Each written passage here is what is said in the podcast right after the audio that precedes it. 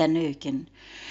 Som du som lytter er for noen uker siden, så har jeg også fått så mange meldinger og telefoner om skolemiljø. Helt ute og kjører. Skoler som kaster foreldre til barnevern. Barn som blir straffa. Barn som mister alt de har kjært. Og traumatiserte foreldre fra årevis med utsettelser for trusler fra skolen. Alt i kjølvannet av at et barn har opplevd mobbing. Tygg på den. Er fortellingene vi forteller oss selv, er det å justere egen praksis og det å prøve igjen, om så for 500. gang. Er det så tungt at det er verdt å ødelegge familier? Kan skolen stå i det med haken hevet? Vel, dette har jeg grubla litt ekstra på denne uka. For hvordan kan vi komme ut av denne boblen og bli på vårt beste i mobbesaker? Spørsmålet er jo heller når gjør vi dette? Klart vi kan snakke om det. Velkommen til ukens episode.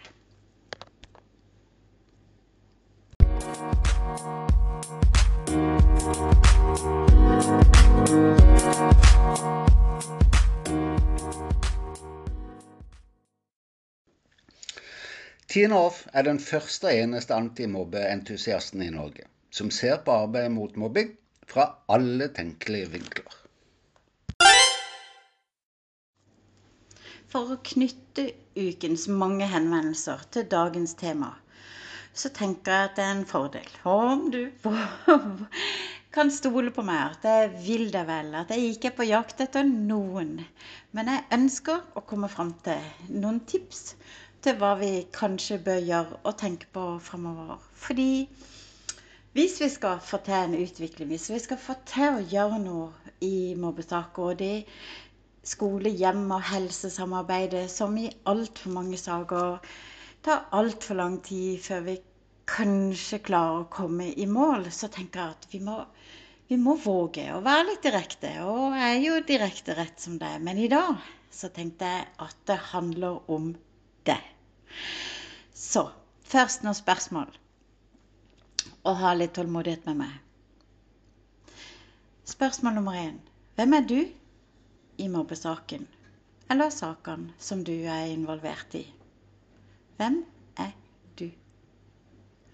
Vil du si at du er lik den du ellers er? Bruker du av din kompetanse og erfaring for å finne løsninger? Spør du andre om hjelp og støtte? Er du på jakt etter hva som faktisk virker? Er du åpen for andres synspunkter? Villig til å oversette det du blir fortalt, eller det som foreslås? Tester du ut ulike løsninger? Svarer du ja på alle disse spørsmålene og tenker 'selvfølgelig gjør jeg det', hvorfor virker ikke samarbeidet da? Er det de andre det står på? Er du sikker på det? Hvis du er sikker, hva mer kan du gjøre? Eller mer riktig, hva kan du gjøre annerledes enn i dag? Ja, for noe må jo endres, og det kan like gjerne begynne med det, uansett hvilken rolle du har. Mitt forslag er at du blir mer faglig i anførselstegn. Jeg kan nemlig ikke bli faglig nok, tenker jeg. Og hva mener jeg med det? Det jeg tenker på, er at foreldre f.eks. For bruker omstarteren som er foreslått for noen episoder siden, til å gi skolen skolerelevant informasjon med egne ord. Det ligger jo ikke i dokumentasjonen i dag. Det handler om lærere som tenker faglige løsninger på relasjonelle forhold Faglig på utvikling, systematisering, trivsel og sosialisering. Altså faglig på de utenomfaglige områdene. Monitorering, forberedelser og gjennomføring og evaluering med forbedringsplan. Altså sånn som man jobber faglig. Det handler om rektorer som tenker ledelsesfaglig. Det å skape fellesskapsfølelsen i samarbeidet faglig og privat. Og bidra til oversettelse mellom skole, hjem og helse. Og fasilitere oppfølgingsrutiner, kompetanseutvikling og ikke minst være tett på skolekulturen i både blant staben og elever. Og dermed også skolemiljøet, da. Det jeg snakker om, er altså at hver rolle er aller best om det blir ved sin lest, for å si det på gamlemåten. Gjennom opplevelsen av manglende bedring for barnet ser vi foreldre griper til lovverk, rettigheter og krav, forskning, og blir langt bedre enn hva skolen er på hva skolen er forplikta på. Hva skolen skal gjøre, hva barnet har rett på. Det gjør den viktigste kompetansen som foreldre har, nemlig effekten av skolens eh, tiltak i mobbesaken, det havner litt mer i skyggen. Den konkrete situasjonen for barnet drukner litt i hva som har skjedd så langt i saken. Og sjansen for å komme videre i disse møtene blir veldig redusert, tenker jeg. Det hjelper jo ikke barnet. Det er en grunn til at det blir slik, selvfølgelig nemlig manglende bedring for barnet. Og jeg kommer til det nå, men jeg vil bare si at mobbesaker trenger foreldre som makter å bli i foreldrerollen i møtene.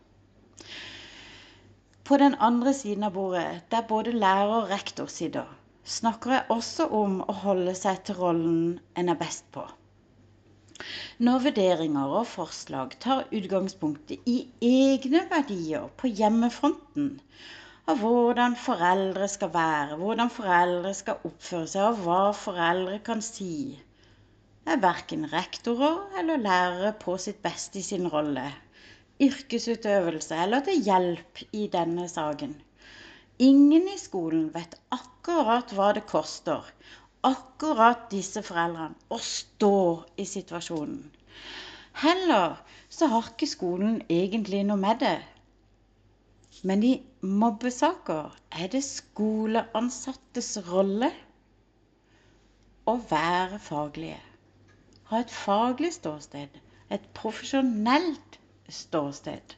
Og da, da må vi legge verdier, private meninger og oppfatninger om, og i det hele tatt på hjemmefronten. Vi må legge det igjen hjemme.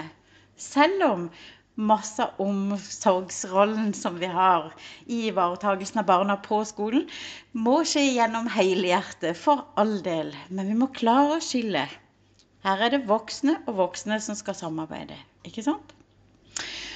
Så tenkte jeg på et eksempel. Bare for å prøve å få det litt mer nyansert.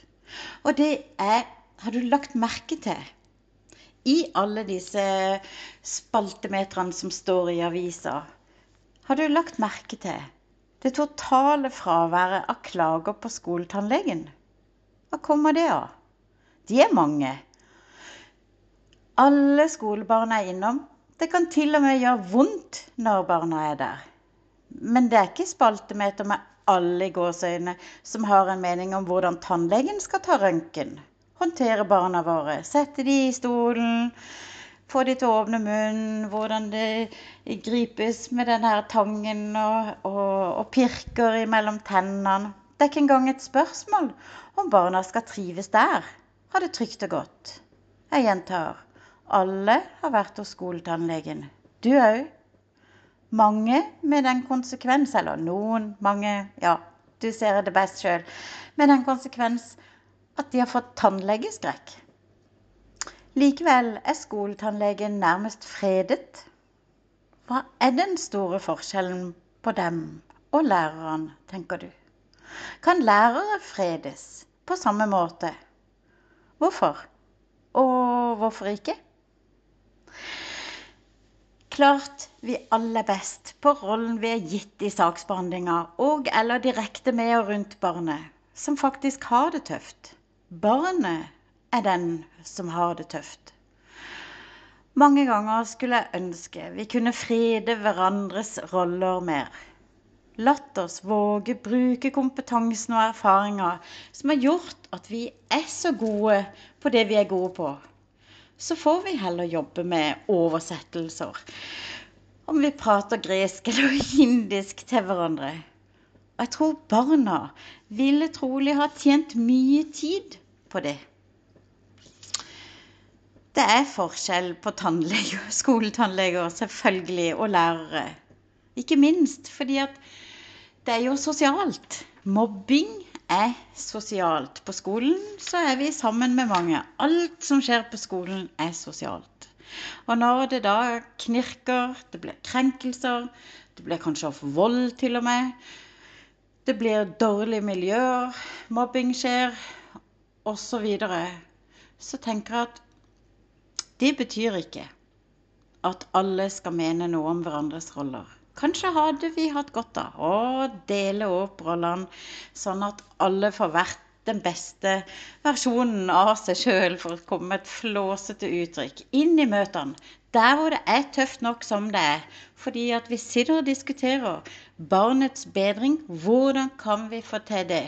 Og da er det viktig at læreren viser seg solide og trygge i den faglige tilnærminga til barnet. Det er viktig at foreldrene er solide, trygge, våger å reise seg for effekten som tiltak har på barna når barna kommer hjem fra skolen. Alle har en rolle i mobbesaker, og alles rolle er så viktig, blir bestående i seg sjøl ut fra den kompetansen og erfaringer som hver deltaker har. Det var det hele. Og hvis du lurer på den omstarteren som jeg snakka med eh, i begynnelsen, så finner du den på hjemmesida mi på hoffutvikling.no. Og i fanen som heter 'ressurser', eller rett under det sabla store bildet av meg. Helt gratis. Du kan få lasta det ned. Det er ikke noe problem i det hele tatt. Og så må jeg bare si god uke!